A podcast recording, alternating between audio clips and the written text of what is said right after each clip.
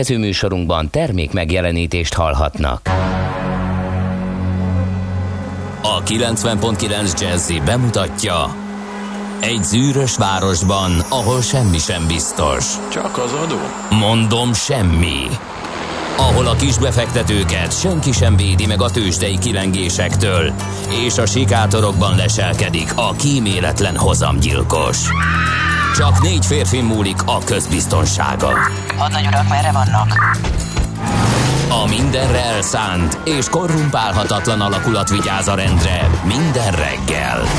Hé, kik ezek az állati nyomozók? Négy férfi egyeset és egy nyalóka. Ács Gábor, Gede Balázs, Kántor Endre és Mihálovics András. Az íróasztal mögül pedig Profit kapitány diktálja a tempót. Humor, emberi sorsok, közönséges bűnözők és pénz, pénz, pénz. Egy különleges ügyosztály. A Gazdasági Muppet Show minden hétköznap reggel a 90.9 Jazzin.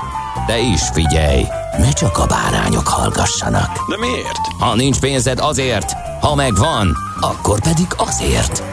Millás reggeli. Szólunk és védünk. Szép jó reggelt kívánunk! Ez tehát a Millás reggeli, a pontos idő pedig 6 óra 30 perce, és végre, végre, végre újra Mihálovics Andrást köszönhetem itt uh, innen a stúdióból a videócsatorna másik végén. Szervusz! Én is köszöntök mindenkit, uh, beleértve Ács Gábort is, és beleértve a hallgatókat is, és nagyon összezavarodtam ma reggel, még ezt kell mondani, talán ez érződik is a fellépésemen, ugyanis határozottan azt hittem, hogy Soundcheck Day van, mert amikor bejelentkeztem ebbe a chat szobába, ahonnan egyébként videón is lehet követni bennünket, állandóan csak annyit hallottam, hogy egy-kettő, egy-kettő, egy-kettő, kiderült, hogy Ács kollega átállt két bites üzemmódra, és ezzel próbált morzézni a mai születésnaposokról, de én nem értem a két bitezést, úgyhogy visszaváltott emberi kommunikációra. Így lényegesen könnyebb lesz nem csak nekem, hanem a hallgatóknak is. Hát le kellett tesztelni az újdonságokat a stúdióban, és téged is bevontunk. Hát igaz, hogy be, beleszólni nem tudtál, csak külső hallgatóként, de szerintem ez... Isteni ér... volt. Na, Isteni volt. Ezt örülök, a módszert hogy... csak így tovább. Hogyha mindenképpen szeretnétek az idegrendszeremen kasztanyettázni, akkor csak így tovább. Örülök, hogy már 6 óra 25 perckor elkezdhettük ezt a nemes tevékenységet, hogy az idegrendszeret bemászunk. Na, ez tök jó, tök jó, tök Igen. jó. Amúgy jégkaparós reggel van, az gyorsan hadd mondjam el, mert amikor az ember fölébred, és nyugtázza, hogy, mert hogy néhány nap kiesés után újra a bemenős időben kell kelnie, illetve hát egy hét is volt ez, őszintén szólva, hogy mennyivel tavaszabb lett, mennyivel korábban világosodik, mennyire jó az, amikor már az ágyból való kimászásnál sem kell lámpafényt gyújtani, akkor valahogy olyan tavasz érzeted van, amiből automatikusan következik, hogy biztos egész jó idő van. Ehhez képest a jégkaparás az ilyen sokkoló élmény lehet, amikor már éppen elhiszed, anélkül, ránézel a hőmérőre, hogy mi a helyzet. Ez egy jó néhány perces plusz, hogyha valaki siet reggel, de gondoltam, hogy felhívom a hallgatók figyelmét arra, hogy erre szálljanak időt. Nagyon hideg van, és még talán holnap is ez lesz, mielőtt bejön a nedvesebb és enyhébb idő, és megszűnnek a hajnali fagyok. Na parancsa, látom, nagyon köszönteni akarod már a szülinapot. Igen, a franciskákat szeretném köszönteni, nagyon szép nevük van, és még névnapjukat is ünneplik, úgyhogy dupla öröm ez számukra. Több névnapost nem tudom, hogy köszöntsek de a Gergőket mindenképpen ide emelném, hát a technikus kollégának esetleg ma van a neve napja, de ezt persze nem tudjuk, majd biztos ő visszajelez ez ügyben. És egyébként nézzük, hogy mi köthető március 9-éhez, mert kérem szépen, bizony március 9-e van 2021-ben. Hát kérem szépen, Legio Patria Nostra ma 190 évvel annak, hogy megalapították a francia idegen légiót, a hát egy elit alakulat a francia hadseregben, a mai napig külföldieket soroznak, külföldieket is soroznak be, számtalan magyar is szolgált a légió, légióba, felvette a fehér kepit, a jellegzetes egyenruha elemét a francia idegen légiónak, és hát nagyon kalandos a története az, az alakulatnak, úgyhogy nagyon-nagyon érdekes, ha valaki veszi a fáradtságot, és utána olvas ennek a dolognak, akkor hát kiderül belőle az, ami, amiért ezt mondtam, hogy nagyon kalandos és nagyon érdekes alakulatról van szó. Egyébként a létrejötte óta 600 ezer ember szolgált már az, az idegen légióban, legnagyobb meglepetésemre a legtöbb ebből 210 ezer német, ők vannak a legtöbben, aztán 60 ezer olasz, és 50 ezer belga, és 50 ezer francia is.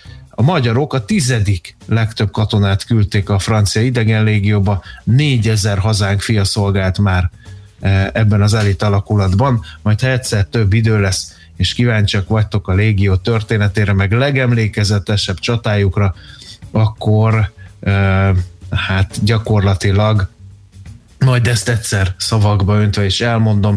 Egy biztos, van egy heroikus ütközet, a Cameroni ütközet, ez a legfontosabb ünnepük, amikor beszorították Mexikóban őket egy tanyára, és hát az utolsó töltényig harcoltak, három harcképes túlélő, mikor már nem volt hova hátrálni, akkor kirontottak a lágoló házból, és ők élték túl egyedül ezt a rajtaütést, azóta a kameruni ütkezet a legfontosabb ünnepe a légiónak, és az attani csapatot vezető századosnak a fából készült keze a mai napig erekje a légióban szolgálók számára. Na, ennyit tehát az idegen légióról.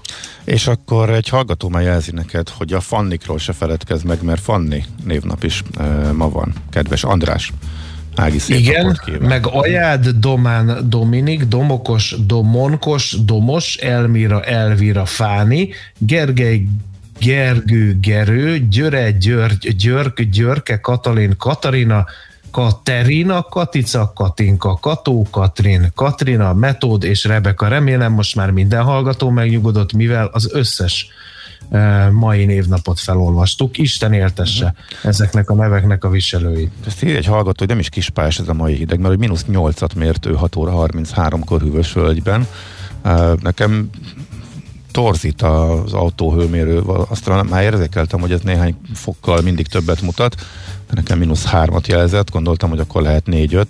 Aha, de akkor, hát meg hűvös vagy mindig egy pár fokkal hidegebb van. Nem mindig, de vannak olyan időjárási helyzetek, úgyhogy hó, tényleg nagyon zimankós ez a reggel. Na nézzük még a születésnaposokat. Barbie babának is ma van a születésnapja. 1959. március 9-én mutatták be a New Yorki Amerikai Nemzetközi Játékvásáron. Ez, ezért lett ez a születésnapja Barbie babának, illetve a Ford Mustangnak is születésnapja van. 1964 március 9-én gördült le az első Ford Mustang a futószalagról, és a London Eye-nak is születésnapja van, csodálom, hogy ezt nem ollozta bele ide Ács kollega az adásmenetbe, mert 2000 március 9-én nyitották meg a London Eye-t. Ugye ez a bazi nagy óriás kerék, ahova csiliárdokért lehet felülni. Ah, figyelj, attól függ. Vannak ott olyan tök jó akciók, kinyomtatsz ilyen kuponokat, és mondjuk amikor odaérsz, akkor vonattal mész be Londonba, akkor rögtön féláron mehetsz, ilyen nagyon jó dolgok vannak, csak kevesen tudnak róla, amúgy turistáknak is rendelkezésre áll. De egyébként mi sok helyre, Madame Tussauds-tól elkezdve olyan először vagyok Londonba turista, és kötelező helyeket nézek típusú utazásoknál, és ez tök jó. Annyi kell, hogy vonattal kell érkezni Londonba, ezt meg egész egyszerűen teljesített, hogyha mondjuk a repülőtérről vonat, von, térről vonattal mész be. Úgyhogy e, mi ezt kihasználtuk, illetve többször is kihasználtam, amikor újabb-újabb családtagokkal, ismerősökkel mentünk, úgyhogy működhet. De tényleg olyan híre van egyébként, és ez tök érdekes, hogy mióta megnyitott, ezt hallom vissza, hogy megfizethetetlen. Hát annyira nem. Tehát mit tudom én, azon 16 font vagy ilyesmi, de nagyon fölmentek az árak máshol is. Lehet, hogy azóta már jóval több, de ha még ezt is lehet felezni. De tényleg nagy élmény egyébként érdemes fölmenni. Azon gondolkodtam egyébként, hogy ezt említetted 2000, hogy ez a mikor történt játék, ez, ez, ez tök érdekes. De időnként nálunk ilyen családi ejtőzéskor egész nagy tipverseny van, amikor például a VH1 zenecsatornán van egy ilyen hát műsornak nem nevezném, mert tök egyszerű, hogy nem írják ki az elején, hogy mikor a dal, csak a végén írják ki az évszámot, a guess the year, és, és vissza kell nyúlni az emlékeidben. És a gyerekek is beszállnak, akik nem is éltek, de hogy meg tudják állapítani például a, a hangulatából, a hangszerelésből, a ruházkodásból, hogy nagyjából mikor a dal, és néha lenyomnak, pedig még emlékeztem, és nekem az megvolt akkor. Szóval ez, hogy visszaemlékezni, meg kitalálgatni, mi mikor történt, ez egy egész jó szórakozás. És szerintem nagyon mellélődtem volna, hogyha, bár nem tudom, a 2000. Szerintem egy kicsit későbbi tippeltem volna a Londonára, de, de amúgy fogalmam nincs. Na mindegy, csak szárnyalnak a gondolatok, parancsolj, visszadom a szót. Kérlek szépen a születésnaposokat el ne felejtsük, főleg Amerigo Vespucci, olasz felfedező térképész, őróla nevezték el Amerikát. Ezt mindenkinek tudni kell, miképpen azt is, hogy 1222 az aranybúla, ugyanez szegény Kolumbusz. A suliban azt mindenkibe beleverték szerintem. Igen, igen. Aztán 1776. március 9-én született József Nádor, és egy űrhajós ünneplő peltünk is van. 1934-ben az első űrhajós a világon, Yuri Gagarin, szovjet repülő tiszt is ö, a születésnapját ünnepelte. Hát aztán még egy csomó érdekes születésnaposunk van. Itt van például Bobby Fischer, amerikai sakkozó 1943-ból, Bajor Imre, magyar színész komikus 1957-ből, Juliette Binos, francia színésznő, aki 1964. március 9-én született, Josh Josh és Jutta duó tagja Szarvas József 1977, kösz, hogy ideírtad, mert különben én mondtam volna el. Mit? És végül egy politikusunk is ünnepel, Szél Bernadett magyar közgazdász politikus 1977. március 9-én született. Milyen jó neki, egyrészt ugye március 8-án kap nőnapi köszöntéseket, aztán rá egy nappal megünnepli a születésnapját. Uh-huh. Igen, ők ugyanazon a napon születtek, ugyanabban az évben, tehát pontosan ugyanakkor Igen. Szarvas József és Szél Bernadett, de most hát a hírek alapján eléggé más gondolnak a világról, az egyértelmű, viszont miután megjelentek érdekes visszaemlékezések Bobby Fischerrel kapcsolatban, és nekem egy olyan élményem is van róla, hogy teljesen véletlenül Játszottál egy Schneller partit vele? Nem, nem, hanem Izlandon belebotlottam a sírjába, illetve nem tudtam, hogy egy izlandi, hát ottani viszonylatban nagyvárosban, mert szerintem Szelfosz talán a harmadik vagy a negyedik legnagyobb település a maga néhány ezer lakosával, emlékeim szerint, csak ott éppen bevásárlási célral megálltunk, és akkor valaki ott beszélgetett, és akkor terült ki számomra, hogy ott nyugszik eh, Bobby Fischer, és akkor utána néztem utána, hogy valóban eh, ott van egy eh, templom kertjében az ő síre, de nagyon érdekes magyar vonatkozásai vannak az ő életének, amikor a világbajnoki döntő 20 éves évfordulóján egy irgalmatlan pénzdíjért újra játszott Spasskial, akkor ez Belgrádban történt, viszont amerikaiként nem léphetett volna oda be, mert embargó alatt volt a az ország, és tehát kis, kis Jugoszlávia ellen konkrétan egy ilyen volt érvényben, ezért úgymond menekülnie kellett, és Magyarországra jött, magyarországi barátai hívták ide, és erről a polgár László mesélt érdekeseket egy, egy Borsnak adott interjújában, és Nagymaroson töltött náluk egy hónapot, és elmondott egy csomó dolgot, hogy miket, hogyan játszottak, ilyen családi fotók is vannak ebben a cikkben, ez egy, ez egy, ez egy mikor én pár éve volt. Igen, 19, 19 ősz, tehát másfél éve mesélt erről.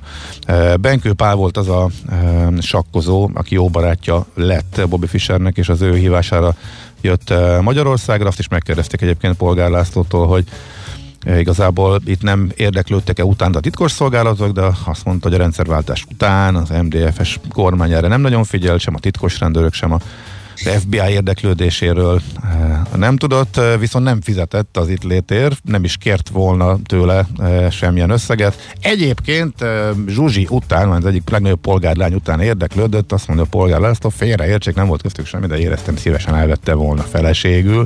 Egyébként Bobby Fischer arról is híres, hogy nagyon-nagyon kiszámítatlan, rapszódikus, követelőző volt, csomószor azt mondta, hogy föláll, hogy nem játszik tovább, hogyha nem teljesítik a meglepőbbnél meglepőbb eh, követeléseit, és egyébként itt van ebben a cikkben eh, Zsófi megrajzolta emlékezetből 2008-ban eh, Fischert, és ezt is a lap rendelkezésre bocsát, rendelkezésére bocsátott a polgárra. Ezt egyébként érdekes dolgok vannak benne. Meg hát persze itt mindenféle családi fotók is, meg még egy csomó emlék. Arról a azt hiszem, hogy 8 évet élt Magyarországon, de egy kis szelet volt, amit polgáréknál töltött, és a, a slusz poén az, hogy egyébként ebben a nagymarosi házban nem csak Bobby Fischer fordult meg polgáréknál, hanem például Ja nem, az, hogy Bobby Fischernek az az irgalmatlan pénzösszeg, amit a világbajnoki újrajátszott döntőért kapott, az a 3,5 millió dollár azzal mi lett, és erre azt mondja, mondja a polgár László, hogy utalni nem lehetett Svájcban, ezért egy bőröntbe cipelte át a magyar-jugoszláv határon, és Fekete János jegybank elnök tudtával, illetve hogy ő is benne volt abban, hogy ezt megtarthass, vagy valami ilyesmi, ezt nem egészen, nem egészen értem, de hát elég, elég izgalmas, meg hogy a Nap TV riportere fölfedezte, hogy ott van fotózott, és volt egy hatalmas szerb gorillája, aki vigyázott Fischerre, és ők szedték le a fáról, és törték össze a filmet, és volt egy kis balhé, na meg ilyenek, ilyenek, ilyenek, de ez ha valakit érdekel, akkor el lehet olvasni. Szóval Bobby Fischer Magyarországon, és sok magyar barátja volt, és itt is élt nálunk hosszabb ideig, és a sakk zseni sírja pedig Izlandon van. No, erről akkor ennyit. Van-e még, akire emlékeznél? Hát én mindenképpen egy kollégára emlékeznék, aki lehet, hogy a ma reggel is a frontvonalban van. Fiala János, magyar szerkesztő, műsorvezető, újságíró, egy másik rádió csatornán vezet műsort, úgyhogy neki is születésnapja van, mert hogy 1957. március 9-én született. Uh-huh.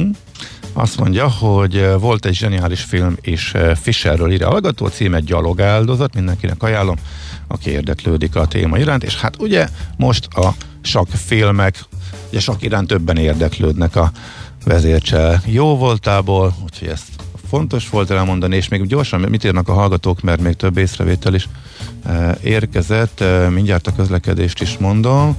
E, Tungstram előtt Váci úton baleset, ennek majd még utána nézzünk. És, Ez így van, megerősítem. Uh-huh. Megyeri út után a forgalom a befelé vezető oldalon halad. Uh-huh. Jó, és uh, Hungária Robert tökölé is kezd telítődni, erre is majd ránézünk, és az órállítás iránt érdeklődik a hallgató szerintem minden második nap, de erről volt hír, úgy tűnik, hogy marad minden a régiben, nem volt idő vele foglalkozni, legalábbis a 24hu kérem, hogy keressen rá a hallgató, mert a múlt héten onnan lapszemléztünk egy hírt az órállítás rendszerének változásának elmaradását illetően, tehát most ugyanúgy fogunk órát tekerni a hónap végén, mint eddig, és a cikkből az derült ki, hogy valószínűleg vissza is ugyanúgy, tehát ebben az évben marad minden változatlanul, aztán meg majd meglátjuk, mert úgy tűnik, hogy nem volt idő és energia azzal foglalkozni, hogy ha már arról döntöttek, hogy nem lesz többet óraállítás, most mindenki eldönti, hogy teker vagy nem, és utána megtartja úgy, ahogy van, ez nem jön össze, mert hogy eh, az országokra volt bízva, hogy ők melyik időzónát választják, és egymással is egyeztetniük eh, kellett, illetve ezt kérte eh, az uniós vezetés, hogy ne az legyen, hogy valaki ide állítja, valaki oda, és miközben mit tudom, eljutsz Magyarországról Spanyolországig addig háromszor lépdelsz jobbra-balra vissza az időben, hogy ne legyen ekkora káosz. Hát ezt elmosta valószínűleg a koronavírus, hogy ezzel foglalkozzanak az országok, van fontosabb dolga mindenkinek ennél, úgyhogy a szokásos óratekerés az majd lesz három hét múlva, vagy kevesebb, mint három hét múlva ez volt ebben az info, de mondom a részletekért akkor érdemes rákeresni, úgyhogy többet erre vonatkozó kérdésre nem válaszolunk, mert hogy ez már megtörtént, és van róla információ a sajtóban.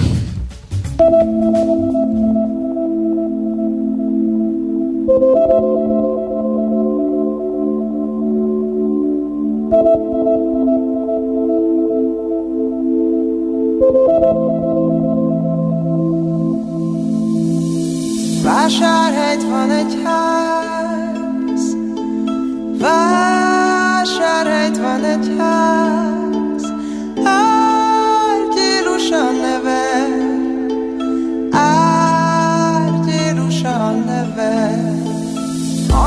amit abba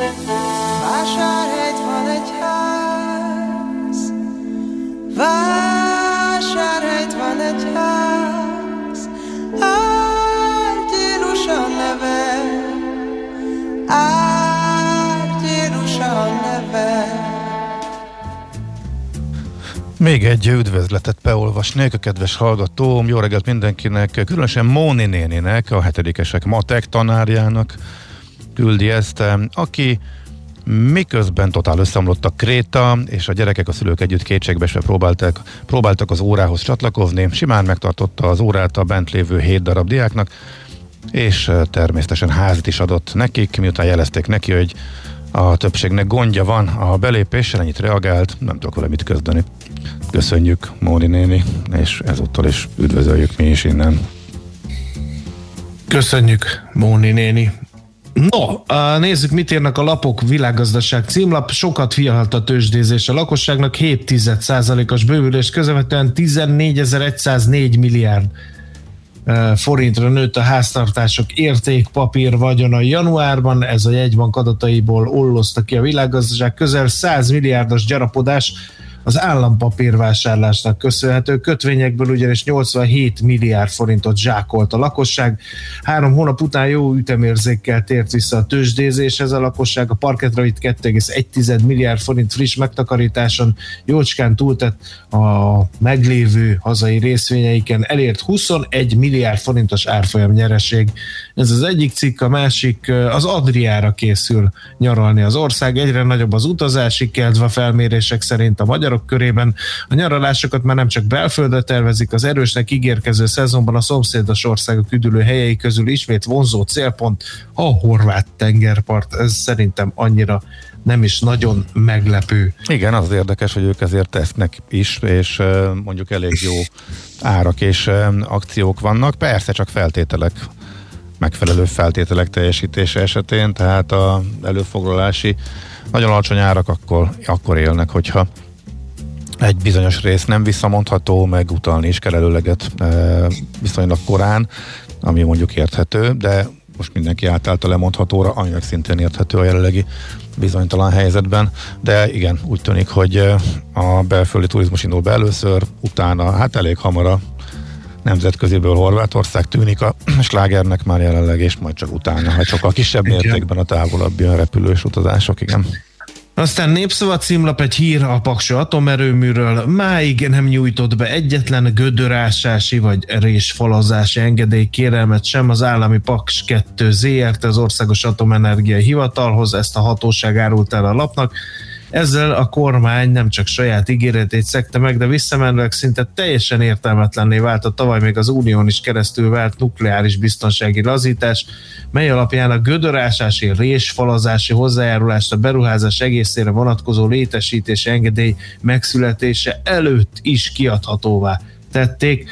A szabályok nem puszta kekeckedésből tiltották a teljes engedély kiadása előtti gödörásást, az Atomenergia Hivatal főigazgatója úgy fogalmazott, a jogszabály módosítás nem veszélyezteti a nukleáris biztonságot, de a módosítást nem ők kezdeményezték. Változatlan a kérelmező felelőssége a későbbi létesítési engedély bármilyen különbséget mutat az esetleg korábban kiadott gödörásási résfalazási hozzájáruláshoz képest. Uh-huh. Hű. Az igen. Azt mondja, hogy Szijjártó Péter az orosz vakcinát szeretné megkapni, és a héten meg is kapja, kap valamit. Hm. Azért furcsa ez, mert nyilván a, tehát tudjuk, az oltási sorrend, ugye azt mondták, hogy ragaszkodnak az, az oltási sorrendhez, és hát ugye a védekezésben résztvevő kategória az most van e, soron. Ez eddig rendben van, csak azon bizonytalanodtam el, hogy Hát az én családomban is, aki átesett, a tágabb családomban, aki átesett rajta, meg az ismerősi körömben is azért egy, sokan azt mondták, hogy ők azért nem regisztrálnak, mert akkor kiverek, amikor már mindenki, aki siet, az megkapta, ők azért védettek egy, egy, egy fél évig, és Szijjártó is átesett rajta novemberben. Uh, úgyhogy uh, nem tudom, nyilván példamutatásnak szánja ezt is, meg kis promó az orosz vak- vakcinának, de hát nem tudom, én valószínűleg a helyébe kivártam volna, és azt mondtam volna, hogy majd amikor már mindenki, aki szeretné, és mondjuk még nem védett, utána járultam volna, utána gondoltam volna, hogy akkor én is felveszem a, az oltást, de hát ez egy magánvélemény. Na, aztán a pénznek nincs szaga. Kérem szépen, Mészáros Lőrinc érdekeltségébe tartozó Hungarikum Alkusz közleműködésével köthet a BKV felelősség és vagyonbiztosítást, és nagyon elégedettek a szolgáltatóval, mert hogy szinten tudják tartani a biztosítási díjakat, holott a piacon jelentős áremelkedés volt az előző években. Így aztán hát azt mondják, hogy körülbelül olyan 1,8 milliárd forintot fizetnének a nyertes biztosítónak, a teljes biztosítási díj egyébként 2019-ben 458, tavaly októberig 381 millió forint volt. Na nézzük, mi van akkor még a tarsolyban, már mint uh, hú, azt hát mondja, tőzsdei összefüggő. Igen, igen, igen, igen, úgyhogy a lapszemléből akkor ennyit, akkor nézzünk gyorsan tőzsdét.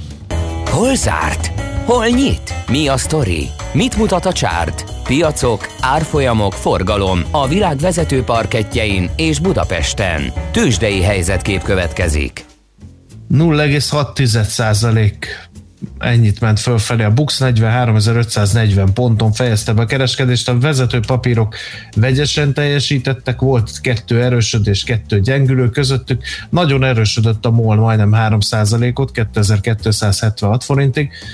A Telekom is drágult, kemény 3 forintot, ami majdnem 3 negyed százalék, 409 forintig ment fölfelé a távközlési papír esegetett viszont az OTP 13.320 forintig 0,3%-kal és 0,4%-kal ment vissza a Richter árfolyam és 8245 forintig. Forgalom tekintetében eh, fellopózott a legnagyobb forgalmú papírok közé a Nutex, amely 3, 3,1%-ot, 3,4%-ot esett vissza, és nézem még, hogy hol volt értelmezhető forgalom, hát talán a Waberers 2,3%-os plusza az ide tartozik, és hát másról talán nem is érdemes beszélni, úgyhogy tiéd a pálya. Amerikában folytatódott a rotáció, és ez most már egy elég markáns trendé vált, amikor ez ellentétje volt, tehát az elmúlt évekkel szöges ellentétben kifelé áramlik a pénz, és eladják a befektetők a mega tech cégeket, és a korábban sok, nagyon sokáig lemaradó, de értéket képviselő és alulértékeltnek tűnő papírokba pedig, illetve a szektorokba pedig áramlik továbbra is a pénz. Úgyhogy érdekes volt, és ezt a legjobban tényleg az év eleje óta mért teljesítményekben lehet látni. Az elmúlt években tényleg azt szoktuk meg, hogy a Nasdaq nagyjából dupla akkor emelkedésben van, mint eh, az S&P 500-as, a Dow Jones meg még inkább eh, lemaradó, még az 500-as átlaghoz képest is. Hát ehhez képest most a Dow Jones 4% pluszban van, ez az idei, tehát a januártól mért teljesítménye, az S&P majdnem 2% plusz, a Nasdaq pedig több mint 2% mínusz. Tehát teljesen átfordult, és még erősödött is. Elindult ez már az, a, nagyjából január közepén vége felé, elég látványosan ez a tendencia, és még markánsabbá vált az elmúlt időszakban, és tegnap is ez folytatódott, Dow Jones plusz, Nasdaq mínusz, még hozzá nem is kevés, 1 százalék plusz a Dow Jonesban csak tegnap, és két és fél százalék szakadás. A Nasdaqben és fél százalék. A technológia már a bő indexet, tehát az 500 részvényt tartalmazó S&P-t is lefelé tudta húzni, ez 5 kal emelkedett. Ez a rotáció azért is érdekes, mert hogyha megnézzük a 11 S&P 500-as fő szektort, akkor ezek közül a többség emelkedett, egészen pontosan a 11-ből 7 fölfelé tudott tartani. A négy csökkenő között persze a legnagyobb súly alatt volt az információ technológia, amely 2,5 százalékot zakózott, de például igen, a félvezető Alindex az 5,5 százalékot zuhant, és az olyan kedvencek, mint a Tesla is továbbra is erős korrekciós módban vannak, sőt, hát ez már komoly beszpiac, hogyha abból indulunk, hogy 10 százaléknál mondanak korrekciót, 20 százalék fölött pedig már maci piacot kiáltanak a szakértők. A Tesla most már a csúcsáról 37%-ot szakadt vissza. Úgyhogy azért kiszerettek belőle a befektetők az elmúlt időszakban. Úgyhogy ez a rotációs dolog folytatódott, és egészen érdekessé teszi most az elmúlt hetekben a, az amerikai kereskedést. Nagyon régen volt ilyen, sőt szerintem sose volt még ilyen, hogy ennyire markánsan és látványosan ilyen trend alakuljon ki, hogy a, az IT kommunikáció, egyáltalán a technológia ennyire elválik a, a többi szektor mozgásától. Tőzsdei helyzetkép hangzott el a Millás reggeliben. Na, azt mondja, hogy Á, ugyan Magyarországon minden tanár Móni néni írja be. Ez nem igaz, még hogyha Angliából tekintünk erre a kis országra, akkor sem. Ezt e, biztos, hogy szerintem kisebbségben vannak a Móni, Móni nénik, akikről korábbi hallgatói üzenet szólt és nem tartották, nem vették figyelembe azt, hogy a többség otthon online tanul, és a krétarendszer lefogyása miatt nem tudnak bekapcsolódni az órába, úgyhogy ezt szerintem mindannyiunk nevében mondhatom, hogy ez az általánosítás azért nem volt túlságosan fair.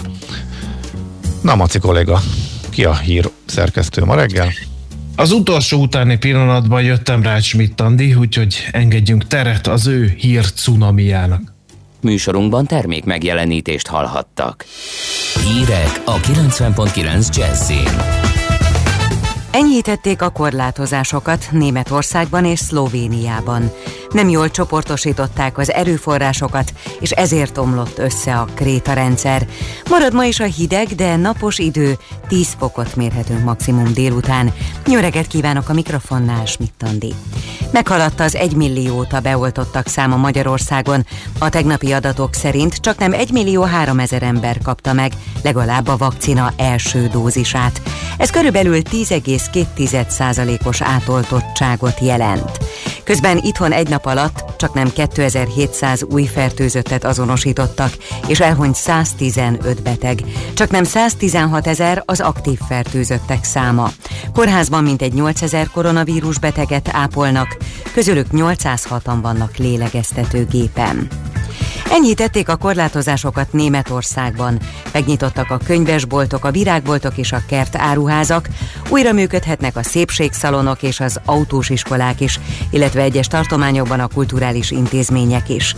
Közben november óta rekord alacsony szintre 34-re csökkent a napi halottak száma.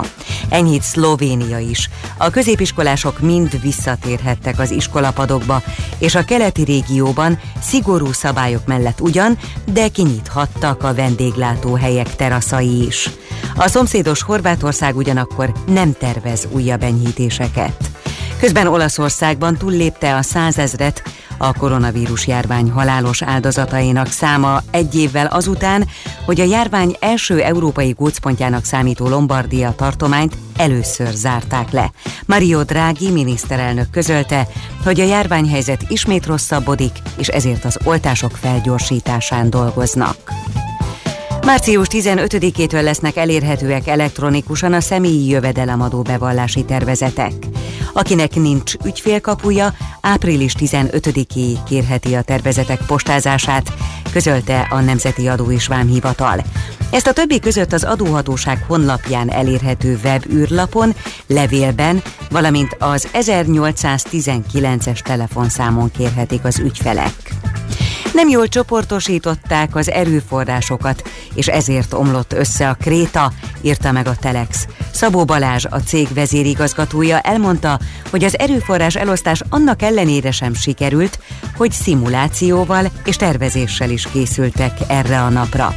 Az általános iskolák második online oktatási időszaka a Kréta rendszer összeomlásával kezdődött tegnap. A következő napokban a rendszer monitorozását fogják végezni. Több tízezren tüntettek Franciaországban a nők jogaiért. A Nemzetközi Nőnap alkalmából tegnap Párizsban és más francia nagyvárosokban is a nemek közti egyenlőtlenségek felszámolásáért demonstráltak, írja az MTI. A tüntetők elítélték, hogy a nők ugyanazon munkáért nem kapnak ugyanakkora fizetést, mint a férfiak, valamint rendszeresen diszkrimináció, illetve szexuális és szexista bántalmazás áldozatai. És végül az időjárásról. Ma eleinte napos időnk lesz, később egyre több felhő zavarja majd a napsütést, de esni nem fog, a szél többnyire mérsékelt marad. Délután 5 és 10 fok között alakul a hőmérséklet. A folytatásban melegszik az idő, a hétvégén akár 15 fokot is mérhetünk majd. Köszönöm a figyelmet, a hírszerkesztőt Schmidt-Tandit hallották. Budapest legfrissebb közlekedési hírei a 90.9 Jazzin a City Taxi Dispécsejétől. Jó reggelt kívánok, köszöntöm Önöket! Csendes a város, a most úton lévők egyenletes tempóban haladhatnak, torlódás nem akadályozza a forgalmat. Baleset történt viszont a Váci út újpesti szakaszán, a kifelé tartó oldalon, a Megyeri út után. A Dunakesz irányába haladó forgalom is a befelé vezető oldalon halad. Sötétek a jelzőlámpák a 15. kerületi Szent Mihály úton, a Telek utcánál, a Gábor Áron utcánál és a Bánkút utcánál áramszünet miatt óvatosan haladjanak át a kereszteződéseken. És ne felejtjék, tart a fokozott ellenőrzés az utakon, ezen a héten a biztonsági öv, a gyermekvédelmi eszközök, motorosoknál pedig a bukós isak használatát ellenőrzik. További jó reggelt kívánunk!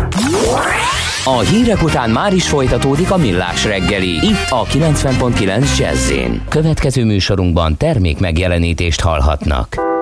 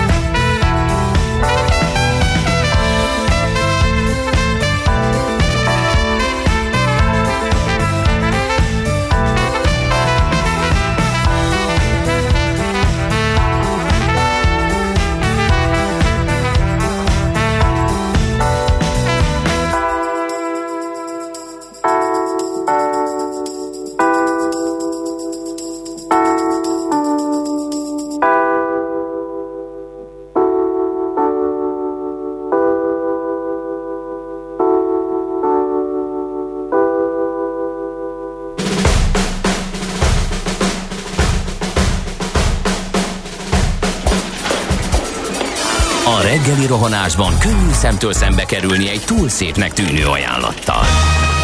Az eredmény krétával körberajzolt tetemes összeg. A tethelyen a gazdasági helyszínelők, a ravasz, az agy és két füles csésze és fejvállalakzat. A lehetetlen küldetés megfejteni a Fibonacci kódot. A jutalom egy bögre rossz kávé és egy olyan hozamgörbe, amilyet még Alonso Mózli sem látott. Millás reggeli, a 90.9 Jazzy Rádió gazdasági mapetsója. Vigyázat! Van rá engedélyünk! A műsor támogatója a GFK Hungária, a cégek technológia alapú adatszolgáltató partnere. Szép jó reggelt kívánunk, ezt továbbra is a Millás reggeli, a pontos idő 7 óra 12 perc, a műsorvezető páros egyik tagja pedig az utolérhetetlen, fantasztikus, mindig friss és üde, és leírhatatlanul szellemes Mihálovics András. És Ács Gábor. Pontosan erre számítottam, köszönöm szépen.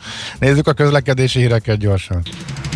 Budapest legfrissebb közlekedési hírei, itt a 90.9 jazz No, hát a baleset a Váci úton, az újpesti szakaszon kifelé a Megyeri út után még mindig érezteti a hatását, hogy a közlekedési hírekben is hallhattátok, a befelé vezető oldalon tud csak haladni a forgalom. Aztán kérem szépen, van egy jelzőlámpa hiba a 15. kerületben a Szent Mihály úton, a Telek utcánál, a Gábor Áron utcánál és a Bánkút utcánál is, mert áramszünet van. Dugó mitől legyen, hogyha egyszer lockdownban vagyunk, és iskolában nem kell vinni a gyerekeket, és aki tud otthonról dolgozik, reméljük, hogy nem is nagyon lesz, legalább akkor ennyi jó kisül ebből. Ha az induló állomás gombját nyomjátok, nektek sem indul a lift? Teszi fel a kérdést. Kínzó kérdés, papa, aki nyilván járt így. Hmm, sokunkhoz hasonlóan kéne ismerni ezt az érzést. Amúgy teljesen ki van fagyva a klinikák, üllői, körút, West End útvonal is hogy a közlekedési infóra is rátérjünk. Budapest, Budapest, te csodás! Hírek, információk, érdekességek, események Budapestről és környékéről. Hát elég durva hírek érkeznek a budapesti járványhelyzettel kapcsolatosan, és nem az adatokról van egészen konkrétan szó. Hanem annak következményeiről. Igen, hogy veszélyben vannak Például. a szolgáltatások Például leállhat a kettes metró, ha még két ember megbetegszik. Ez nem egy ilyen fikció, és nem egy riogatás. Ezt maga a főpolgármester helyettes Tüttőkata mondta az ATV-ben. Ha kidőlnek azok az emberek, akik a metrót irányítják, nem tudjuk őket pótolni máshogy. Konkrétan ott tartunk, hogy annyira sok a beteg a kettes metróvonalán, hogy ha még kettő ember megbetegszik, akkor lehet, hogy le kell állítani a metrót. Ezt mondta szó szerint. Uh-huh. És azt is hozzátette, hogy az első és a második hullámban a közszolgáltatások nem voltak veszélyben, de ma ott tartunk, hogy annyira sok a beteg a BKV-nál, a metróforgalom irányításban, a villamosvezetőknél, a buszvezetőknél, hogy nem biztos, hogy holnap is fog már járni a metró, mondta tehát a főpolgármester helyettes. Aki, hogyha jól rakom össze, eleve a főpolgármester helyett ment be erre az interjúra, mert hogy utolsó pillanatban közölte Karácsony Gergely, hogy önkéntes karanténba vonul. Tehát nem val- kontakt volt? Hát azt nem mondta, de hát valószínűsíthetjük, hogy ö, kontakt volt és ezért döntött így, Igen. így ő, és Aztán, ment a helyettese az interjúra a tévébe. Aztán még egy érdekes hír, ugye az első hullám idején sorba jöttek a településekről a hírek, hogy polgárőrök lezárták, ne menjünk oda, táblákat raktak ki, mindenki tiltakozott, most elindult ez is. Hát kérem szépen Velencén. A Velence korzó üzemeltetése arra kérte a strandterületen található büféseket, hogy ne nyissanak ki, mert hogy sajnos hétvégi tapasztalataink azt mutatják, sokan kívánkoznak a szabadba, az éttermek előtt hosszú sorokban várakoznak az emberek, mind a maszk használatot, mind a távolságtartást szinte lehetetlen betartani. Tisztelettel kérjük Önöket, a korzót most hagyják meg a velenceieknek fogalmazva, fogalmaznak ők egy ilyen pamfletben, vagy kiáltványban, vagy stb. Tehát ez is elkezdődött, szerintem fognak még hozzájuk csatlakozni települések. Igen, igen, lehet, hogy a hétvégén ugyanaz lesz, mint tavaly húsvét környékén, amikor megkérik, minden település megkéri a másik településekről odaérkezőket, hogy ne induljanak el, és mindenki maradjon otthon. Na most tényleg Hát abból indulunk ki, hogy a, a növekedés ha lassul, és a tegnapi adat az nyilván téves volt, mert olyan nincs, ami tegnap e, kijött, de hogyha már hat is majd itt a, hatnak is az új intézkedések, azért a következő egy-két hétben várható jó esetben a harmadik hullámnak a e, csúcsa. Egyébként a BKV is igazodik e, az új helyzethez, a mm, tegnap életbe lépett járványügyi intézkedésekhez. Ebből annyi lesz, és ez a legegyszerűbb megoldás, mert az már készen van, hogy a tanszüneti menetrendre állnak át, az iskolák bezárását követően. Ez hát nem tudom pontosan hány százalékos csökkentés, de ritkán járnak a a tömegközlekedési járművek, főleg a csúcsidőkben érvényes. Ez néhány járatnál kicsit az bonyolítja meg az átállást, hogy a tanszüneti menetrendet, amit nem gondolták, hogy hirtelen elő kell venni, ami egyébként őszintén miért nem gondolták, amikor hetek óta nagyjából lehet látni, hogy milyen irányba haladunk, de akkor zárójel bezárva. E, még nem állították át a 8 óra után bevezetett, e, csökkentett üzemmódra, úgyhogy ha jól értem a közleményt, akkor a tanszüneti menetrend úgy fog életbe lépni, hogy a néhány útvonal, vagy néhány járatnál a tanszüneti menetrendben 8 után több járat van per pillanat, mint a eddig érvényes nem tanszünetiben, mert azon már lefrissítették a 8 óra utáni részt, hogy kevesebb legyen, ritkábban járjanak a járművek, a tanszünetivel meg eddig nem foglalkoztak, csak hirtelen életbe lép, ezért ott majd kicsit nem olyan egyszerű ezt így megoldani, hanem ott majd sűrűn fognak járni váratlanul néhány napig a buszok és a villamosok este 8 után, hogy majd akkor ha ezt is megugorják, akkor a tanszületi menetrendbe is sikerül átvezetni a 8 óra utáni kapacitás szűkítést. Úgyhogy ez még egy fontos információ. És hát akkor a Margit körútról beszéljünk, csak nagyon röviden, mert volt egy érdekes, mert cikkes egy érdekes kezdeményezés. Szerintem beszéljünk, mert akkor legalább pár percig megszabadulunk a járványhoz kapcsolódó információktól. Egészen konkrétan a HVG, HVG 360-on beszéltek arról a tervről, hogy új funkciókkal, új életre keltsék az eléggé lepukkadt Margit körutalt, és valami hasonlót próbálnak, mint ami Délbudán sikerült megvalósítani a Bartók Béla úton, úgyhogy bedeszkázott üzletek helyett kávézók, galériák, designboltok lehetnek. Az egyetlen probléma, hogy az önkormányzat nagyon szeretné ezt, csak pénze nincsen rá, úgyhogy civilekre és kreatív vállalkozókra próbálnak hatni, és ebben a cikkben végigjárták, és egy csomó háznál elmondták a, a történetét, és azzal a két arccal beszélgettek, akik emögött állnak az önkormányzat, illetve az építészek részéről. Szóval egy igényes, gyalogos forgalmat generál, generáló kulturális közösségi tervet próbálnak megcsinálni úgy, hogy sok pénz nincs rá, sőt, alig van rá, és tényleg abban bíznak, hogy látnak majd benne fantáziát a helyi vállalkozók, ötleteket majd adnak, próbálnak segíteni mindennel, de reméljük, hogy, hogy ebből tényleg valami ki fog tudni sülni, apróbb beavatkozások is hatásosak lehetnek. Mondja ezt például Dévényi Tamás, építész, aki ennek a projektnek a fővédnöke, és akivel ugye az újságíró tett egy sétát, és egy csomó épülettel kapcsolatban végig mondják, hogy ennek mi lehetne a funkciója. Úgyhogy szép tervek vannak, reméljük, hogy meg tud valósulni, annak ellenére, hogy forrás azt nagyon keveset tud rá biztosítani az önkormányzat. Hát ennyit a Margit körútról, illetve az ott kilátásairól. Nekünk a Gellért hegy a Himalája. A Millás reggeli fővárossal és környékével foglalkozó robata hangzott el. Please, could you drive a little faster? Please, could you grab a bit tighter, longer?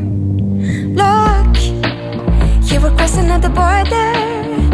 I never reason, independent, independent, a libertine starter. Look, you're so brave for your fox eye. Can't stop the avalanche inside. Hooked up Another check we can come by. Who knows? The stars align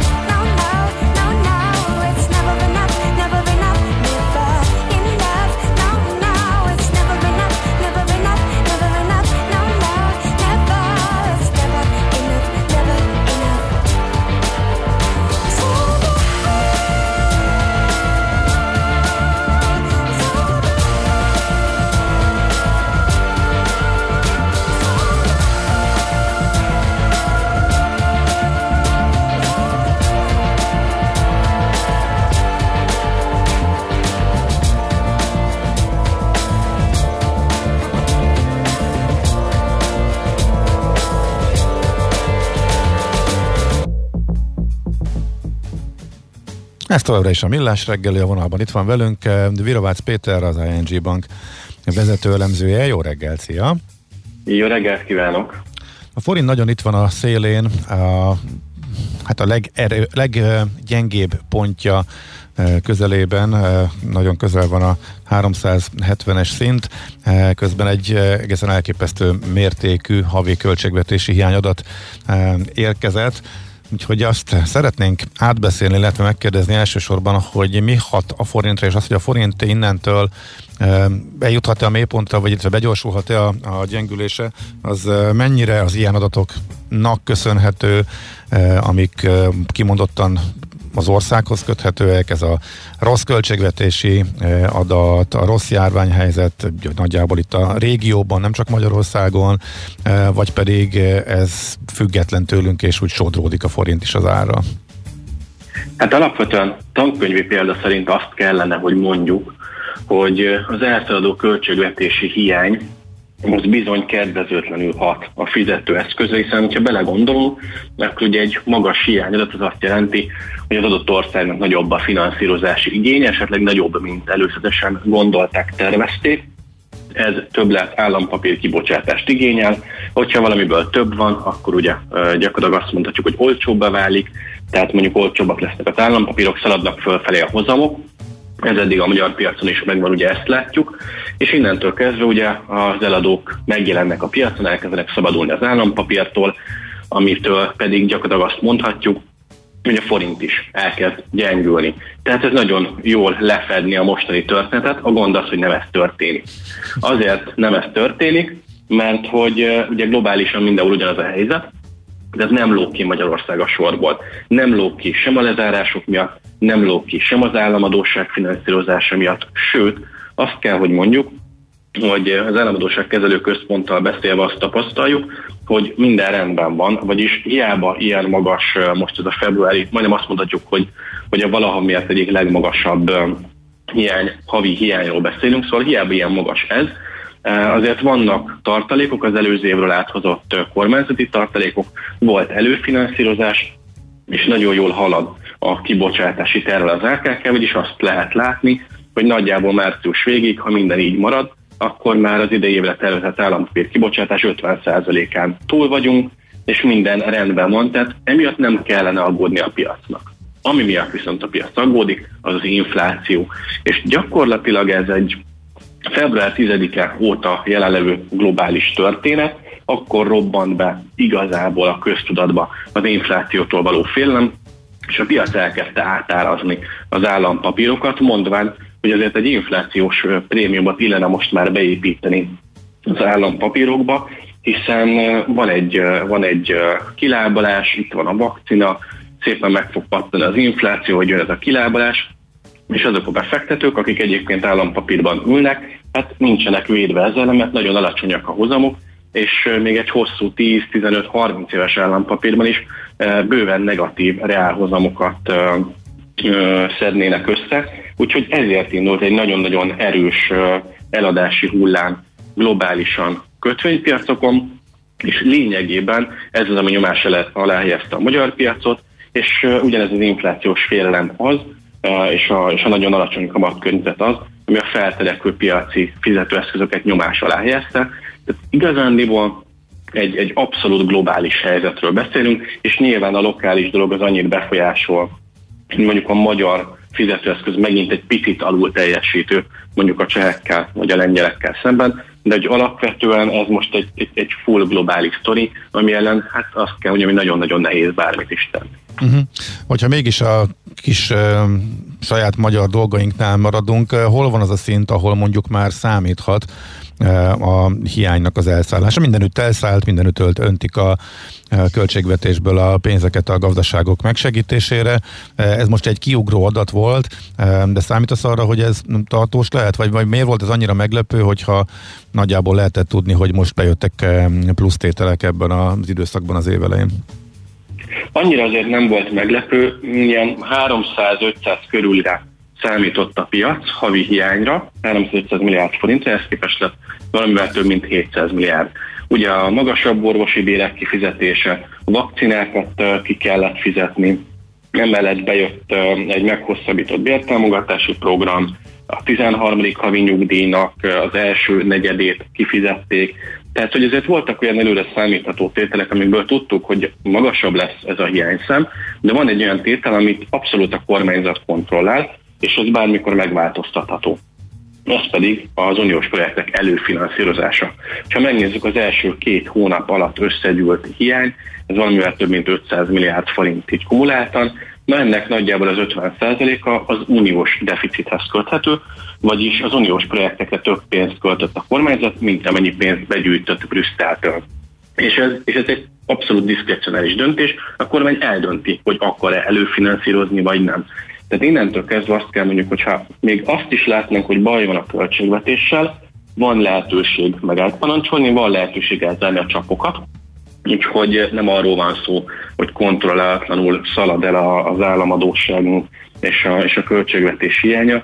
Szóval van e fölött kontroll, és ezért én azt mondom, hogy nem kell egyelőre aggódnunk emiatt a magas szám miatt, illetve azért sem, mert mindenki abban bízik, hogy azért itt um, második negyed év vége felé, hogyha elindul az újranyitás, akkor egy óriási gazdasági növekedéssel szembesülünk, és ez pedig jelentős mértékben megnyomja majd a bevételeket kormányzati oldalon, vagyis ezért ellensúlyozható ez a gyenge első negyedév költségvetési oldalon uh-huh. is.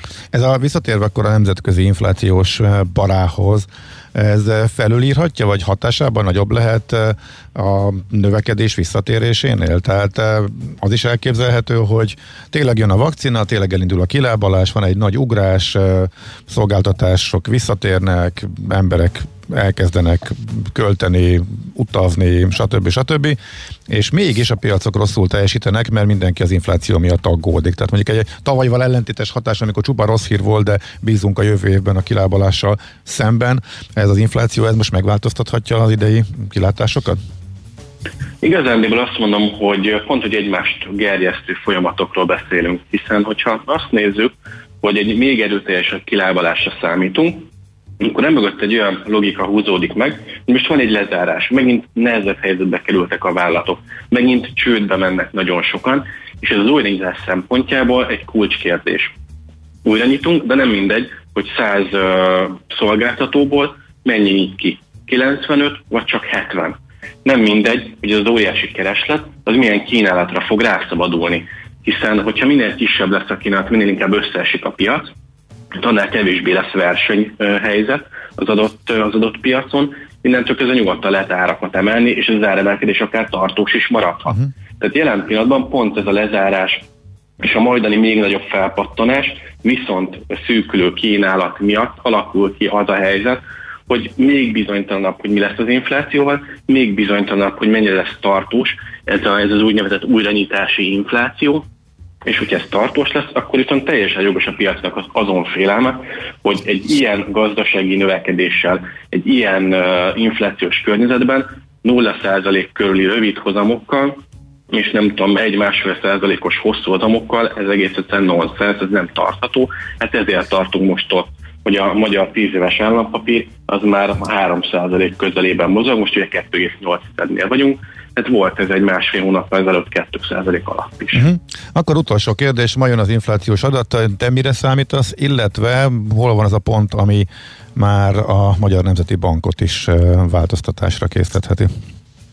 Szerintem 3%-os inflációt látunk ma, de nagy a bizonytalanság. Nem mindegy, hogy a KSH mikor gyűjtötte össze az üzemanyagárakra vonatkozó adatokat.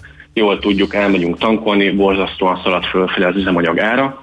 Ez önmagában gyakorlatilag meghatározza majd az áremelkedés ütemét a következő hónapokban, plusz ugye alacsony a bázis, és ez, most 3% lesz, vagy 2,8 vagy 3,2, az a lényeg, hogy magasabb lesz, erre vár a piac, ezt számítja a piac most, és a következő hónapokban 4% felé is ugorhat ez az inflációs mutató, és valóban ez kényelmetlennek tűnik a jegybank számára, de alapvetően ezzel nem nagyon van mit kezdeni, ez egy átmeneti tényező az energiárak miatt, az üzemanyagárak miatt, ezzel nem feltétlenül tud semmilyen jegybank bármit is kezdeni. A gond a forinttal lesz, hogyha a forint megközelíti a 370-es szintet, és megint esetleg csúcs döntésre kerül sor, vagy ott vagyunk a küszöbön, az már inflációs szempontból kényelmetlen lehet a jegybanknak, hiszen még egy addicionális nyomás rákerül az egyébként is bizonytalan inflációs környezetre, és akkor már lehet, hogy lépésre Mhm. kényszerül a jegybank. Hát ez megtörtént, de még csak egy-két napja, tehát hogyha tartósan itt maradna, akkor ezek szerint ezt úgy érted, ugye?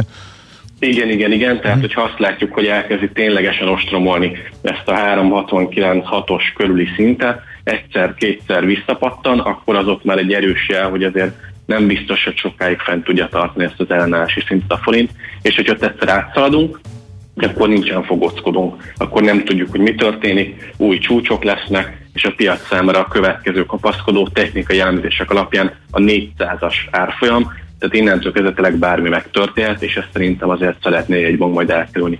Uh-huh. Mondom hangsúlyozottan nem árfolyam cél, nem inflációs cél szempontból. Uh-huh. Világos. Oké, okay, nagyon szépen köszönjük, sokkal tisztában látunk ebben a nem egyszerű helyzetben. Szép napot, jó munkát kívánunk neked is. Szia! Köszönöm szépen, szép napot, minden jót! Virovácz Péterrel, az ING bank vezető elemzőjével beszélgettünk elmúlt néhány percben. Gyors közlekedési információ, mielőtt a hírekre elmegyünk. Frontális karambolt látott a hallgató a Németvölgyi út, Érdi út eh, kanyarban, a temető oldalában, utána viszont Sashegy Gellért egy négy és fél perc és suhanós, köszönjük szépen Black Belt Jonesnak ezt az információt. A rövid hírek után tehát jövünk vissza. Műsorunkban termék megjelenítést hallhattak. Tervezés, szervezés, irányítás, ellenőrzés. Kössük össze a pontokat. Logikusan, hatékonyan. Észjáték. A millás reggeli logisztika rovata minden kedden 3.49-kor.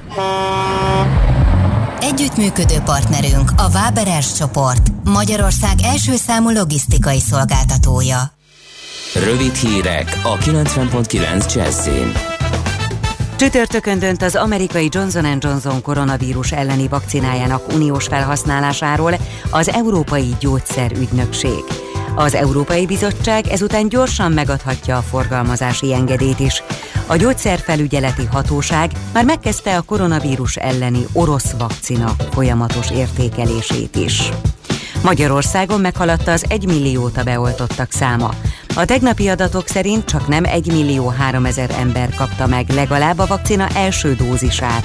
Ez körülbelül 10,2%-os átoltottságot jelent. Március 15-től elérhetőek lesznek elektronikusan a személyi jövedelemadó bevallási tervezetek. Akinek nincs ügyfélkapuja, április 15-éig kérheti a tervezetek postázását, közölte a Nemzeti Adó és Vámhivatal. Ezt a többi között az adóhatóság honlapján elérhető webűrlapon, levélben, valamint a 1819-es telefonszámon kérhetik az ügyfelek. Olyan sok a beteg a BKK-nál, hogy lehet, hogy leáll a kettes metró, mondta el Tüttőkata főpolgármester helyettes az ATV-nek. Hozzátette, hogy a közlekedés mellett veszélyben van a takarítás és a hulladékszállítás is. Elsősorban a forgalomirányításban van emberhiány, ahol ha még kettő ember megbetegszik, lehet, hogy le kell állítani a metrót is. A főpolgármester helyettes arról is beszélt, hogy folyamatosan kérték a közszolgálatot biztosítók védőoltását, erre viszont még nem került sor. Magyarországra látogat Ferenc pápa. A katolikus egyházfő részt vesz a Nemzeti Eucharisztikus Kongresszus szeptember 12-i záró szent miséjén, közölte Erdő Péter bíboros, Esztergom budapesti érsek. És végül az időjárásról. Ma eleinte még napos időnk lesz. Később viszont egyre több felhő zavarja majd a napsütést, de eső nem várható, a szél is többnyire mérsékelt marad. Délután 5 és 10 fok között alakul a hőmérséklet. A folytatásban melegszik az idő, és a hétvégén már akár 15 fokot is mérhetünk majd. Köszönöm a figyelmet, a hírszerkesztőt Schmidt-Tandit hallották. Budapest legfrissebb közlekedési hírei, itt a 90.9 jazz Budapesten baleset nehezíti a közlekedést a Váci út újpesti szakaszán a Megyeri út után. Mindkét irányban sávlezárásra és a befelé vezető oldalon torlódásra kell készülni. Erős a forgalom a Budaörsi úton befelé a Dajka Gábor utcától, az M3-as autópálya bevezető szakaszán a Szerencs utca előtt, a Hungária körgyűrűn a nagyobb csomópontok közelében. Várható a 8 órától a Könyves Kálmán körúton a Rákóczi híd felé az Üllői út után csak a külső sáv lesz járható gázvezeték javítás miatt. A csomópontban az Üllői útról mindkét irányból csak egy sávon lehet a Rákóczi híd felé kanyarodni. A negyedik kerületben a Károly István utcát lezárták a Berzevicki Gergely utcánál, így az Attila utca felől Zsák utca lett, mert javítják a burkolatot. A 147-es autóbusz Újpest központ felé nem érinti az Attila utca, a Templom utca és a Csokonai utca megállót, Megyer Juliánus Barát utca felé pedig az Újpesti piac és az Attila utca megállót. Pongrász Dániel, PKK Info. A hírek után már is folytatódik a millás reggeli, itt a 90.9 jazz Következő műsorunkban termék megjelenítést hallhatnak.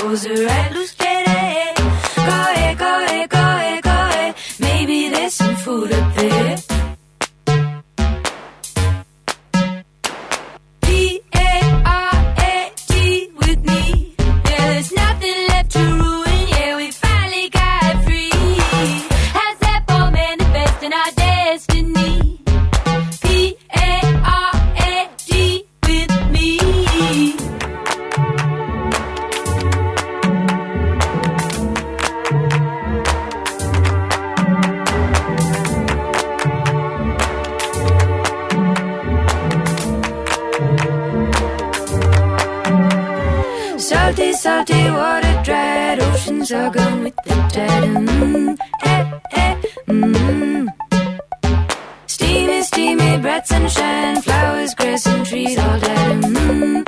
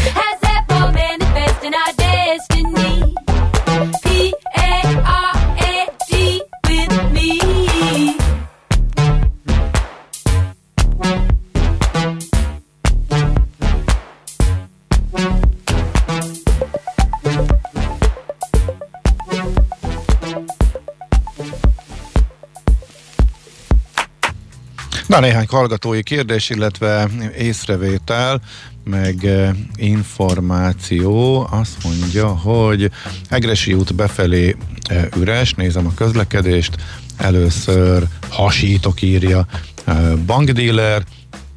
Mm, a körülprojekt margójára mindeközben igen, milliárdokkal bővítik a stadionépítési kereteket, akkor mit lehetne tenni? Hát, ez két külön dolog, ugye a Margit körút az a fővárosi feladat, illetve kerülethez tartozik, és hát kicsit más anyagi helyzetben vannak a kerületek. és más preferenciák alapján költik a pénzt, ez kétségkívül így van. Igen, azt mondja, hogy lehet leáll a kettes metró, lehet leáll a traumatológia, tiszta bulvárhíradó. Hát, ez a helyzet, hogy nem mi tehetünk arról, hogy ezek talán bulvárhírnek tűnnek, de ezek tök komoly dolgok, mert hogy most vírushelyzet van. Ha valaki tényleg konkrétan szeretné megtudni, hogy milyen egy kórház belülről lenne, nyilatkozhat, nyilatkozhatnak ugye a magyar orvosok. Zaher Gábor az, aki ezzel nem foglalkozik, és mindig is elmondta a véleményét, és vele már nem is igazán tudnak mit kezdeni, és hát ez döbbenet, amit ő az ő kórházuk Covid osztályáról, meg amit mentősként is tapasztal, elmondott a 168.hu lehet olvasni egyébként. Tegnap egy részt gyorsan azért elmondok belőle, mert azért érdekes, mert ő például a kínai vakcina ellen beszélt korábban, és most meg azt mondja, hogy hamut kell szórnom a fejemre, látom, hogy mit okoznak a vírus legújabb variánsai. Egy héttel ezelőtt is azt mondtam még, hogy a kínaival nem oltatnám be magam, de most már azt kell, hogy mondjam, hogy azzal is oltani, oltani mindenek előtt, oltás mindenek előtt. Mérleg egyik felében hogy ott a koronavírus, a tüdőgyulladás, a szövődmények, a lélegeztetőgép, a halál, a másikon meg ott van öt vakcina, ami védettséget nyújt, és tényleg nem akarok ebbe belemenni. Hát, ha valaki érdekel, akkor, ha valaki ez olvassa, van. Hát oltunk ezerrel, csak ugye ezzel kapcsolatban is kiderült, hogy az is egy nagy kommunikációs lózunknak tűnik, hogy az a probléma, hogy nincs vakcina, ugyanis befelé, tehát nagyon kevés adatot szolgáltat a magyar állam, viszont uniós hatóságok fele sok mindent jelenteni kell. Úgyhogy az érdeklődők az uniós összesítésekből tudják visszafejteni azokat az adatokat, amit itthon nem akarnak közölni. Például ebből derült ki, ezt éppen a Telex nézte meg, hogy mennyi oltást adtak be, és mennyi áll még, mennyi vár még beadásra, és hát Asztrából is több mint kétszer annyi vár beadásra, de hát itt a hétvégi káosz kapcsán erről tudhatunk, de hogy nagyon sok van még a, a kínaiból és Pfizerből és Modernából is, amit nem adtak be, vagy csak a jelentés nem stimmel. Azért érdekes, én azt próbáltam megtudni, először nyilván itthoni forrásokból, hogy milyen arányban vizsgálják a a mutációkra a pozitív mintákat, nem kaptam információt, de ez is föllelhető egyébként a, az Európai Uniós adatbázisokban, mert arra jelent az ország, illetve az állam, és egy 5%-os uniós elvárást fogalmaztak meg a tagországok felé, és a magyar az bőven 1% alatt van. Tehát amikor így darabra bejelentgetik, hogy ennyi brit variáns találtak, meg ennyi dél-afrikait, az értelmezhetetlen adat, mert hogy fogalmunk nem lehet arról, hogy a pozitív minták közül hányat vizsgáltak meg erre, hogy hogy milyen uh, mutáció milyen mutációt tartalmaz. Úgyhogy ezt is csak egyre több kritika fogalmazódik meg egyébként a portfólión Madár István is az adatok megbízhatóságával kapcsolatosan az elmúlt napokban, azzal párzamosan, hogy romlik a járványhelyzet. De még egy dolgot mindenképpen, mert azt szerintem a hallgatókat talán az érdekli legjobban, legalábbis én erre kapom a legtöbb kérdést. Na most mindenki, illetve nagyon sokan az oltást várják, de nem kapják hogy vajon Működött a regisztráció? Biztos, hogy rajta vagyok a listán, mert hogy erről is sok hír érkezett, hogy regisztrált, visszaigazolást is kapott, és mégse kapja, mégse kapja, már fiatalabbak is, meg mindenki más kapja, és igazából nagy összevisszaság van.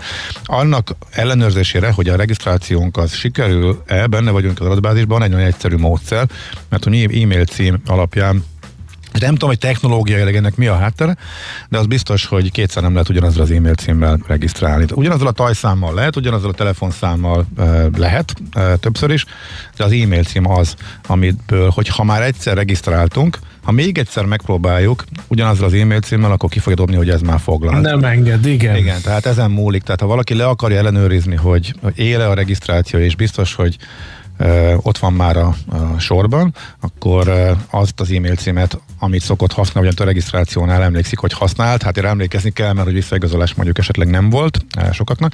Van, akik kapnak hírleveleket, ők valószínűleg rajta vannak, de van, aki semmit se kap, ő ezzel az e-mail címes módszerrel tudja ellenőrizni, hogy rajta van a listán. Bocs, oda jártam iskolába, ezt meg beírta még arra, hogy Móni néni, Móni néni-e minden tanár, akik most kapcsolódtak be, mert egy korábbi történet volt itt a műsorban, arról írt, egy hallgató, hogy a Móni néni, a matek tanár úgy tartotta meg az órát, hogy a diákok nagy része nem volt, nem tudott belépni, mert a kréta rendszer nem működött tegnap reggel és mégis megtartott az órát, majd közölte, hogy ez nem érdekli, és feladta a házi feladatot, és akkor még egy hallgató azt is írta, hogy ez lehet, hogy nem fair, de nagyon igaz. Én továbbra is azt mondom, hogy azért a pedagógusoknak a nagy részére ez ennek ellenére biztos, hogy nem igaz, persze vannak e, ilyenek is. E, aztán még üzenetek, azt mondja, ismerek olyan dokét, aki márciusban napi átlag 15 órát dolgozik, havi 8-24 órás ügyelettel, ezeken felül túlórákkal, embertelen mennyiség, mindezt úgy, hogy nem hibázhat, ez valóban így van. E, és akkor még lehet mondani, hogy ők legalább e, fizetésemelést kaptak, az ápolóknál már még a feltételek romlottak is, és úgy vannak ember feletti feladatnak kitéve, és nagyon durva nyomás alatt.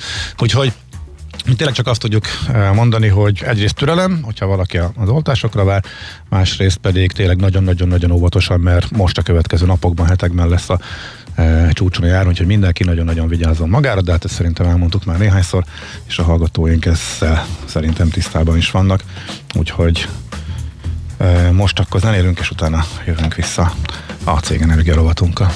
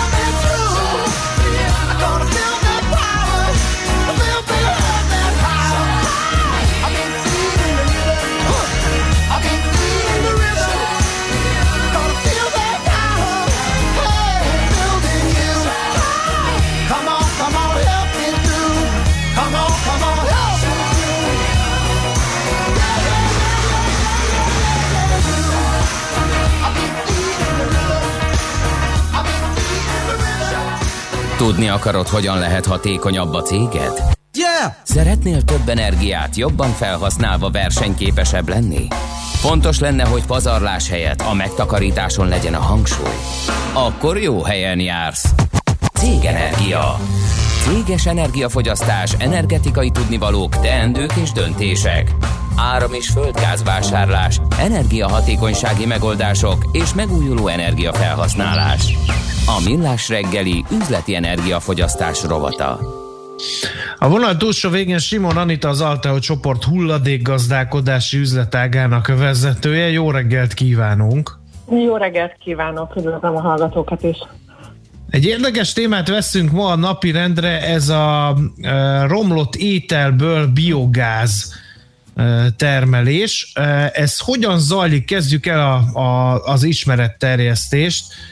Honnan és milyen ételek kerülnek ebbe a masszába, amiből aztán pedig gáz termelődik? Hát, hadd kezdjem azzal, engedjétek meg, hogy, hogy miért is hívta életre az Alteo két évvel ezelőtt ezt a hulladékgazdálkodási üzlet, üzletágat.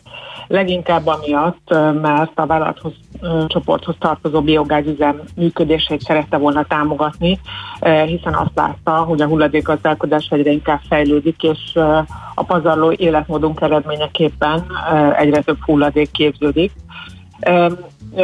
és az Alteo ilyen szempontból a waste stratégiáját azt az ászlójára tűzte, ami nem csak a, az Alteo vezetésének az elkötelezettségét jelenti a körforgásos gazdasági rend, hanem azt is, hogy egyre nagyobb szerepet kíván ebben vállalni, hiszen a hulladékgazdálkodás és az energetika most nagy, előtt, nagy átalakítások előtt áll hazánkban, és uh-huh. beruházások sora vár tervezése és megvalósítása, amiben azt gondolom, hogy, hogy mi magunk is aktív szereplők kívánunk lenni, és erre az elmúlt időszak alapján lehetőségünk is adódik, hiszen kellő tapasztalattal és tudással rendelkezünk.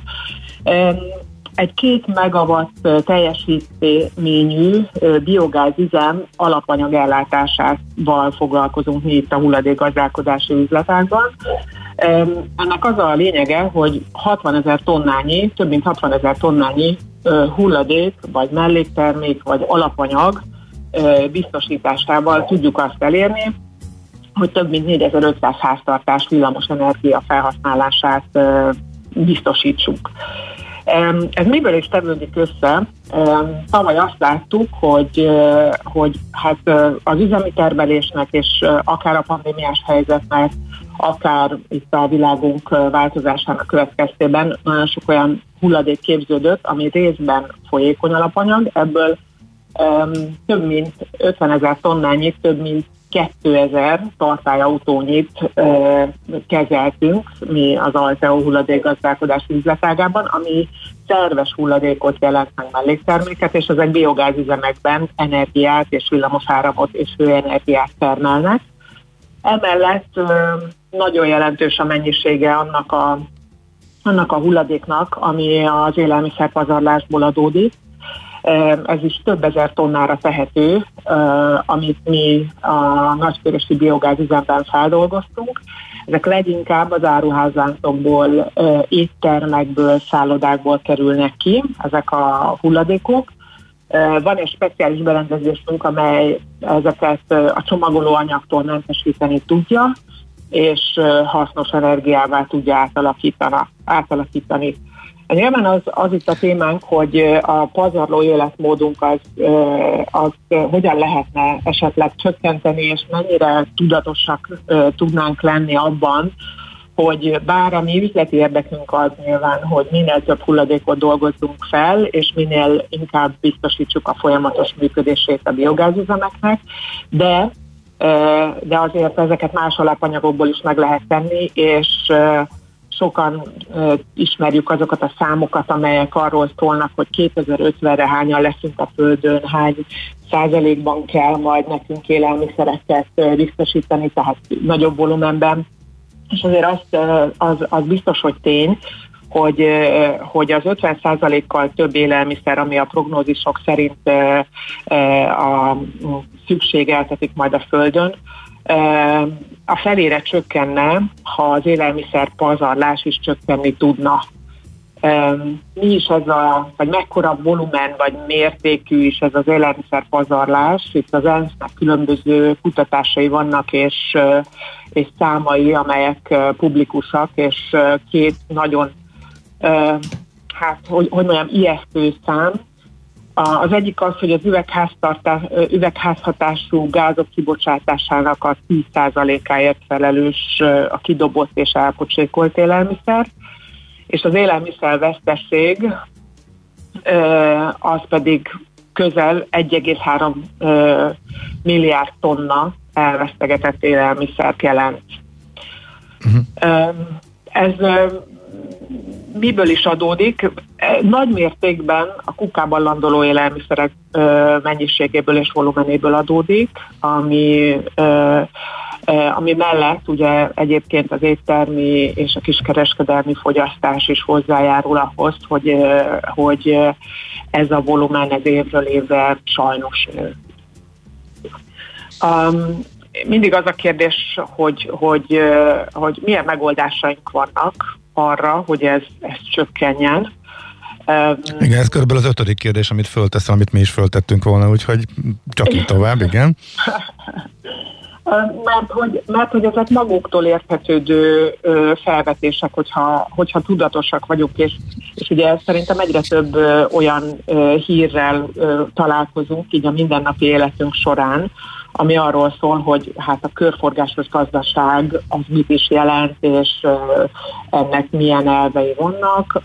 Arról többféleképpen lehet beszélni, de a lényege az, hogy, hogy vagy anyagában hasznosítjuk a, a termékeket, vagy azokat a, az anyagokat, amelyek a kezünkbe kerülnek, vagy pedig energetikai célra hasznosítjuk azokat.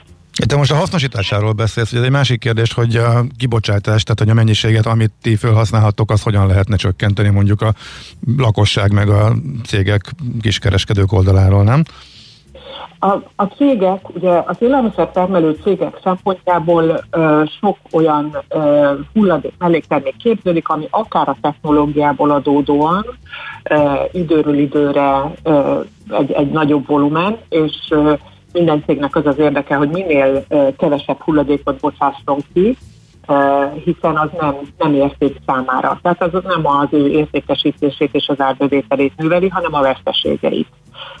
Ezért azok a technológiák, amelyek a hulladék kibocsátás volumenét csökkentik, ezek egyre inkább előtérbe kerülnek. Ez az általános, nagyobb volumenű termelésre igaz, illetve igaz azokra az üzemekre, ahol bármilyen, bármilyen élelmiszergyártás folyik, hogy minél kevesebb veszteséggel dolgozzanak, ne legyen lejárt, ne legyen csomagolásában sérült, ne legyen ö, olyan anyag, ami, ami esetleg ö, élelmiszer, emberi fogyasztásra nem alkalmas. Uh-huh. De ez legalább arány, arányaiban csökken, mert oké, értem, a kibocsátás folyamatosan nő, és akkor nominálisan nyilván egyre több a veszteség, illetve a pazarlás, de legalább arányaiban kevesebb lett akár a modern technológiák miatt, meg amiatt, hogy a cégek jobban odafigyelnek rá mondjuk az elmúlt időszakban? azt látom, hogy, hogy akár az élelmiszerláncok is, akik, vagy az áruházláncok, akik, akik ugye jelentős volumenű hulladékot bocsátanak ki azok, azok egyre tudatosabban figyelnek arra, hogy, hogy, hogy kevesebb legyen ez a hulladék, mert ez az elvárás, és ez a társadalmi elvárás velük szemben is. A, ö, sok olyan kezdeményezés van már a világban, ami arról szól, hogy például azokat a gyümölcsöket, zöldségeket, amelyek kicsit barnábbak, azokat még használjuk fel. Lehet, hogy olcsóbban adják az áruházlászok, de hogy igenis, hogy az is fogjon el, és ne kerüljön a szemétbe.